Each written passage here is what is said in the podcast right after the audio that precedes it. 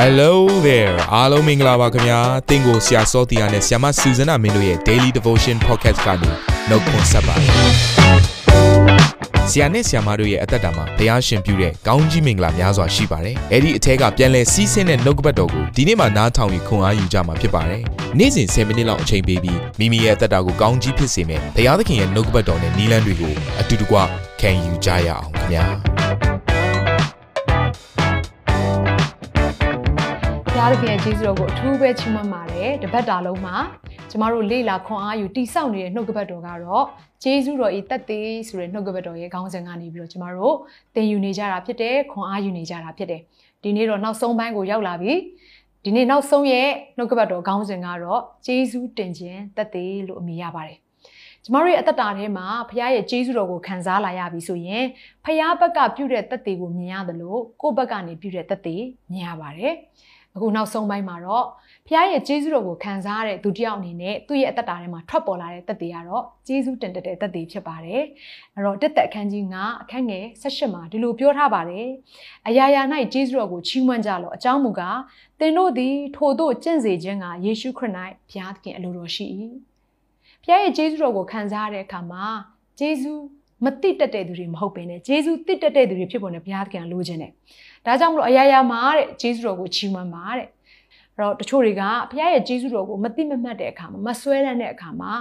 ဂျေဇုတော်မချီးမွမ်းတတ်တဲ့သူတနည်းအားဖြင့်ဂျေဇုမတိတက်တဲ့သူရှိတယ်လို့ကျမ်းစာထဲမှာပြောထားတယ်။ယောမအခန်းကြီး1အခန်းငယ်21ထဲမှာဒီလိုပြောထားပါတယ်အကြောင်းမူကားထိုသူတို့သည်ဘုရားသခင်ကိုတိလျက်ပင်ဘုရားသခင်ကိုချီးမွမ်းတဲ့သည့်အတိုင်းမချီးမမွမ်းကျေးဇူးတော်ကိုလည်းမတိမမှတ် အချင်းကြီးတွေးဆခြင်းတတိမရှိသောစိတ်နှလုံးမိုက်မဲခြင်းတို့ရောက်ကြ၏ကျေးဇူးတော်ခံစားရပါလျက်နဲ့ဒီနေ့ဘုရားသခင်ကိုမချီးမွမ်းတတ်ခြင်းဟာအတွေးခေါ်ထဲမှာမှားယွင်းနေတဲ့အတွေးခေါ်တွေရှိနေလို့မချီးမွမ်းနိုင်တာဖြစ်တယ်တဲ့သို့တော်လည်းဘုရားသခင်ကတက်တဲ့အခန်းကြီး9အခန်းငယ်18ရပြောမယ်ဆိုရင်အရာရာ၌ကျေးဇူးတော်ကိုချီးမွမ်းဖို့ရန်အတွက်တော့ဘုရားသခင်ကအလိုတော်ရှိတယ်အရာရာလို့ပြောပြီးဆိုရင် ဒီနေ့ကျမ်းမာနေခြင်းဟာလည်းဘုရားရဲ့ဂျေဇုစားရတောက်ရနေရခြင်းဟာလည်းဘုရားရဲ့ဂျေဇုဖြစ်တယ်အဲ့ရကထလာပြီးတော့ကောင်းမွန်စွာလှုပ်ရှားနိုင်တယ်ဆိုရင်လည်းဘုရားရဲ့ဂျေဇုရှူရှားရတဲ့လေဟာလည်းဘုရားရဲ့ဂျေဇုအဲ့တော့ဆိုလိုတဲ့အရာအရာခတ်သိမ်းဟာတော့ကိုတတ်နိုင်လို့မဟုတ်ဘဲနဲ့ဘုရားကနေပြီးတော့ဂျေဇုတက်တက်ပြုတ်နေတယ်ဆိုတဲ့အရာကိုစဉ်းစားတွေးခေါ်တတ်မယ်ဆိုရင်ဘုရားကိုဂျေဇုတင်တတ်တဲ့သူတယောက်ဖြစ်လာလိမ့်မယ်။သို့တော့အတွေးခေါ်ထဲမှာ အမြဲတမ်းညင်းညူနေတဲ့ပြစ်တင်နေတဲ့မကျေနပ်နိုင်တဲ့အတွေးခေါ်ကြီးဖြစ်နေတယ်ဆိုရင်တော့အပြစ်မြင်တတ်တဲ့အတွေးခေါ်ကြီးဖြစ်နေတယ်ဆိုရင်တော့ဒီနေ့ထို့သူရဲ့နှုတ်ရှာပါစက်ထဲမှာဂျေဇုတင်လိုက်တာကိုတော်ရဲ့ဆိုတဲ့အရာဘယ်တော့မှထွက်မှာမဟုတ်ဒါကြောင့်မို့ကျမတို့ရဲ့အတွေးခေါ်တွေကိုအမြဲတမ်းတတိပြုနေဖို့အတွက်လိုအပ်တယ်ငါဟာ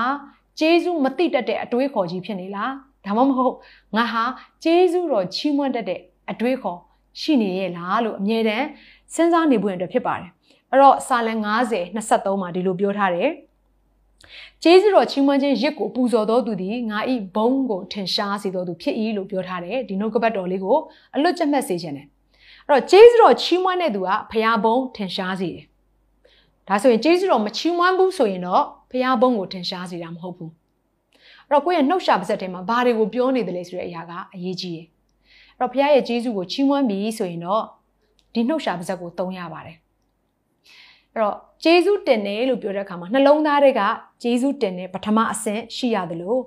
ဒုတိယအဆင့်ဖြစ်တဲ့နှုတ်ရှာပါဇက်ကနေပြီးတော့ဝန်ခံခြင်းဆိုတာလည်းရှိရပါတယ်ရှင်းလင်းစွာပြောပြမယ်ဆိုရင်ကျမတို့အင်္ဂလိပ်စကားထဲမှာ thankful နဲ့ grateful ဆိုတဲ့စကားလုံးနှလုံးရှိတယ် overlap ဖြစ်နေတယ်လို့ပဲအတိတ်တွေကခက်ဆင်ဆင်ဖြစ်နေပေမဲ့သူ့ရဲ့ထိရောက်မှုသူ့ရဲ့ပြောဆိုခြင်းတဲ့အရာကမတူကြပါဘူး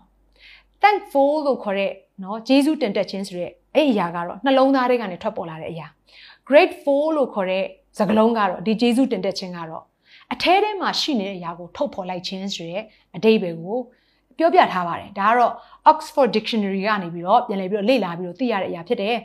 အဲ့တော့ကျမ်းစာအရကြည့်မယ်ဆိုလို့ရှင်လေเนาะဒီဖះကိုနှလုံးသားထဲက thankful ဂျေစုတင်တဲ့အရာအပြင် grateful လို့ခေါ်တဲ့ထိုဂျေစုတင်တဲ့အရာကိုနှုတ်ရှာပါစက်အတန်ကနေထွက်ပြီးတော့ နော်ဖော်ပြတဲ့အရာတွေရှိတဲ့နေဆိုတဲ့အရာကိုကျမ်းစာထဲမှာဖော်ပြထားတယ်။စာလံ192ထဲမှာရေးထားပါတယ်။ဂျေဇုတော်ဝန်ခံရရစ်ကိုပူဇော်၍ဆိုလိုတဲ့အရာကအဲ့ဒီရစ်ဆိုတဲ့အရာကအထဲထဲကနေထွက်ပေါ်လာတဲ့ thankful ကိုပြောနေခြင်းဖြစ်တယ်။ပြီးမှရှင်လန်းသောအတန်နဲ့တကွအမှုတော်တို့ကိုကြားပြောကြစေ။ရှင်လန်းသောအတန်ဆိုတဲ့အရာကအထဲထဲမှာရှိနေတဲ့အရာကိုအပြင်ကနေထုတ်ဖော်လိုက်ခြင်း grateful ကိုဆိုလိုနေခြင်းဖြစ်တယ်။ဒါကြောင့်ယုံကြည်သူများ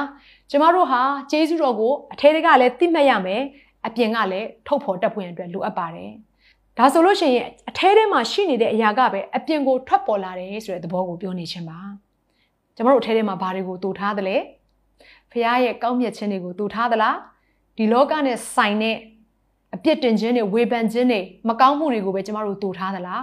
ထိုတူထားတဲ့စိတ်နှလုံးရှိသည့်အတိုင်းအပြင်ကိုထွက်ပေါ်လာမှာဖြစ်တယ်။ဒါကြောင့်မလို့ကျမတို့ရဲ့စိတ်နှလုံးထဲမှာမှားယွင်းနေတဲ့အတွေးခေါ်တွေရှိပြီဆိုရင်ဒီနေ့ပဲထိုမှားယွင်းနေတဲ့အတွေးခေါ်တွေကိုခြံထားပြီးတော့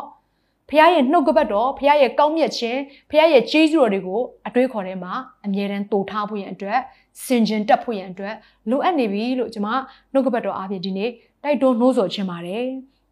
ဆက်လက်ပြီးတော့စာလံ45နှစ်မှာလည်းပြောထားပါတယ်ကိုတော်သည်လူမျိုးထက်အစင်းလှပါ၏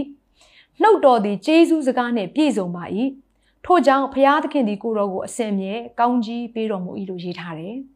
အဲ့တော့ကိုတော်ဒီလူမျိုးထက်အစင်းလှပါ၏တဲ့။ဘာကြောင့်သူ့ကိုအစင်းလှတယ်လို့ပြောထားသလဲဆိုရင်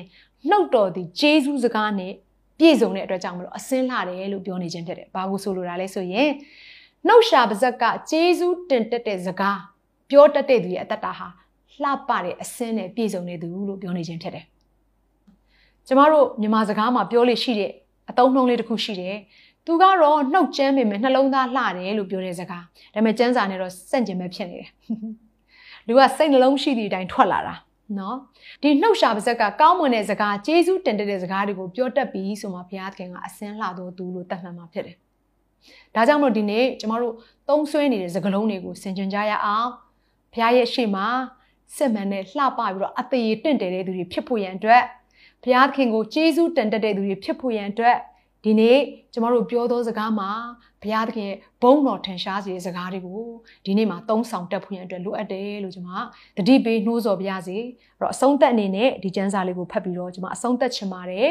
ကောလောသဲအခန်းကြီး၄အခန်းငယ်6လူအသီးသီးတို့ဟာအဘယ်သို့ပြန်ပြောရမည်ကိုသိနိုင်မည်အကြောင်းသင်တို့စကားသည်စားအားဖြင့်ငံသောအရသာနှင့်ပြည့်စုံလျက်အစင်မပြတ်တင့်တယ်လျှောက်ပတ်ပါစေ အဲ့တော့ဆဲဆိုပြစ်တင်ဝေဖန်နေဖို့ရန်အတွက်စံစာကမတင်ပေးထားပါဘူးနှုတ်ကပတ်တော်ကတင်ထားပေးတဲ့အရာကဂျေဇူးပြုတတ်တဲ့စကားတနည်းအားဖြင့်အစင်မပြတ်တင့်တယ်လျှောက်ပတ်တဲ့အတိတ်ပဲရှိပြီးတော့အရသာရှိတဲ့စကားတွေကိုပြောတတ်တော်သူဖြစ်ဖို့ရန်အတွက်တမန်တရားကတင့်ကိုဒီနေ့ပဲတုံသင်ပေးနေပါတယ်။ဒါကြောင့်မလို့ကိုယ့်ရဲ့နှုတ်ရှာပါဇက်မှာဘုရားမနဲ့တက်တဲ့အရာတွေကိုမပြောတော့ဘဲနဲ့ဘုရားကိုကျေးဇူးတင်တတ်တဲ့အရာကိုဘေးနားမှာကိုယ့်ကိုကျေးဇူးပြုတဲ့သူတွေကိုကျေးဇူးတင်တတ်တဲ့စကားတွေကို ပြောပြီးတော့အသက်ရှင်ဖို့ရန်အတွက်ကျွန်မနှုတ်ကပတ်တော်အပြင်အားလုံးကိုဝေမျှတိုက်တွန်းလိုက်ပါတယ်အခုချိန်မှာတော့အသက်တာအသီးသီးကိုစက္ကန့်အနှံကြဖို့ရန်အတွက်ဖြစ်တယ်ဖရာသခင်ဒီနေ့နှုတ်ကပတ်တော်အတွက်ကိုရောကိုကျေးဇူးတင်ပါတယ်သားသမီးတွေအသက်တာထဲမှာညီးတွားတတ်တဲ့အချိန်တွေရှိတယ်အပြစ်တင်တတ်တဲ့အချိန်တွေရှိတယ်ဆဲဆိုပြီးတော့ဒီနေ့သူတို့ဘာရဲ့မကောင်းတဲ့ရင်ကိုပြောတတ်တဲ့အသက်တာတွေရှိကြပါတယ်သို့ပေမဲ့လည်းဒီနေ့မှာတော့နှုတ်ကပတ်တော်ကိုခံယူပြီးတဲ့နောက်ပိုင်းမှာထိုကဲ့သို့အသက်မရှင်တော့ဘဲနဲ့စားကဲ့သို့အရသာရှိရဲ့အသက်တာ ဟိုသူတစ်ပါးရဲ့အသက်တာထဲမှာတင့်တယ်လျှောက်ပတ်စီတဲ့စကားတွေကိုပြောတတ်ပြီးတော့ကိုရောဖျားရဲ့ဂုံကျေးဇူးတော်တွေကိုချီးမွမ်းတတ်တဲ့အသက်တာဖြစ်ဖို့ရန်အတွက်စက္ကန့်အနှံပါပြီ။စမ်းရည်ပေါက်တစ်ပေါက်ထဲကချိုသောစမ်းရည်နဲ့ခါသောစမ်းရည်မထွက်တတ်ပါဘူးကိုရော။ဒါကြောင့်မလို့ကိုရောကိုချီးမွမ်းပြီးတော့လူတွေကိုကြိမ်ဆဲနေတဲ့နှုတ်ရှာပါစံမဖြစ်ဖို့ရန်အတွက်ကျေးဇူးချီးမွမ်းတတ်တဲ့အသက်တာကြီးဖြစ်ဖို့ရန်အတွက်ကျေးဇူးတင်တတ်တဲ့တက်တွေကိုတောင်းလို့အသက်တာထဲမှာပေးတော်မူပါ။တန်ရှင်တော်ဘုရင်တော်ဖျားအထဲကနေနေ့ရက်အစဉ်တိုင်းမှာနှိုးဆော်ပေးပါ။ ငါအသက်ရှင်တဲ့အခါမှာဒီနေ့ကိုရောဘုံတော်ထင်ရှားစေဖို့အတွက်ပဲအသက်ရှင်မယ်ကိုရဲ့ဂျေဇုတော်ကိုဟိုတကယ်ကိုဝန်ခံတတ်တဲ့နှုတ်ရှာပါဆက်ဖြစ်ဖွင့်အတွက်ပဲငါရွေးချယ်ပြီးတော့ပြောဆိုမယ်ဆိုတဲ့ဆုံးဖြတ်ချက်တွေဖြစ်ဖွင့်အတွက်ဝိညာဉ်တော်ဘုရားနေ့ရဲ့အစဉ်တိုင်းမှာသားသမီးတို့ကိုဆွဲခေါ်ပေးပါဘုရားဒီနေ့နှုတ်ကပတ်တော်ကိုနားထောင်နေကြတဲ့သူတယောက်ချင်းတိုင်းအသက်တာထဲမှာ ဂျေဇုတော်ရဲ့တတ်တွေကိုအမြဲတမ်းရရှိတော်သူများဖြစ်စေဖို့ရန်အတွက်အသက်တာအသီးဒီကိုကောင်းကြီးပြီးလက်စက္ကန့်အနှံတဲ့အခါမှာသခင်ခရစ်တော်ဘုရား၏မြတ်သောနာမတော်ကိုအမိပြု၍စက္ကန့်အနှံကြပါတဲ့အဖမြတ်စွာဘုရားသခင်အာမင် နာတော်တာစင်သူတိုင်းရဲ့အသက်တာမှာကောင်းကြီးဖြစ်မယ်ဆိုတာကိုကျွန်တော်ယုံကြည်ပါတယ်။သင်ရဲ့အသက်တာအတွက်များစွာသော resource တွေနဲ့ update တွေကို Facebook နဲ့ YouTube platform တွေမှာလည်းကျွန်တော်တို့ပြင်ဆင်ထားပါတယ်။ Facebook နဲ့ YouTube တွေမှာဆိုရင် search box ထဲမှာစုစွမ်းနာမင်းလို့ရိုက်ထည့်လိုက်တဲ့အခါအပြရန်အမှန်ချစ်ထားတဲ့ Facebook page နဲ့ YouTube channel ကိုတွေ့ရှိမှာဖြစ်ပါတယ်။နှုတ်ကပတ်တော်တွေကိုဗီဒီယိုအားဖြင့်လည်းခွန်အားယူနိုင်ဖို့ရန်အတွက်အစင်သစ်ပြင်ဆင်ထားပါတယ်။ကျွန်တော်တို့ဝิญဉေးရာအတွက်အထူးလိုအပ်တဲ့ဖွံ့ပြခြင်းတွေနဲ့ခွန်အားတွေကိုရယူလိုက်ပါ။ နောက်ရက်များမှာပြန်ဆုံတွေ့ကြအောင်ခင်ဗျာအားလုံးကိုနှုတ်ဆက်ပါတယ်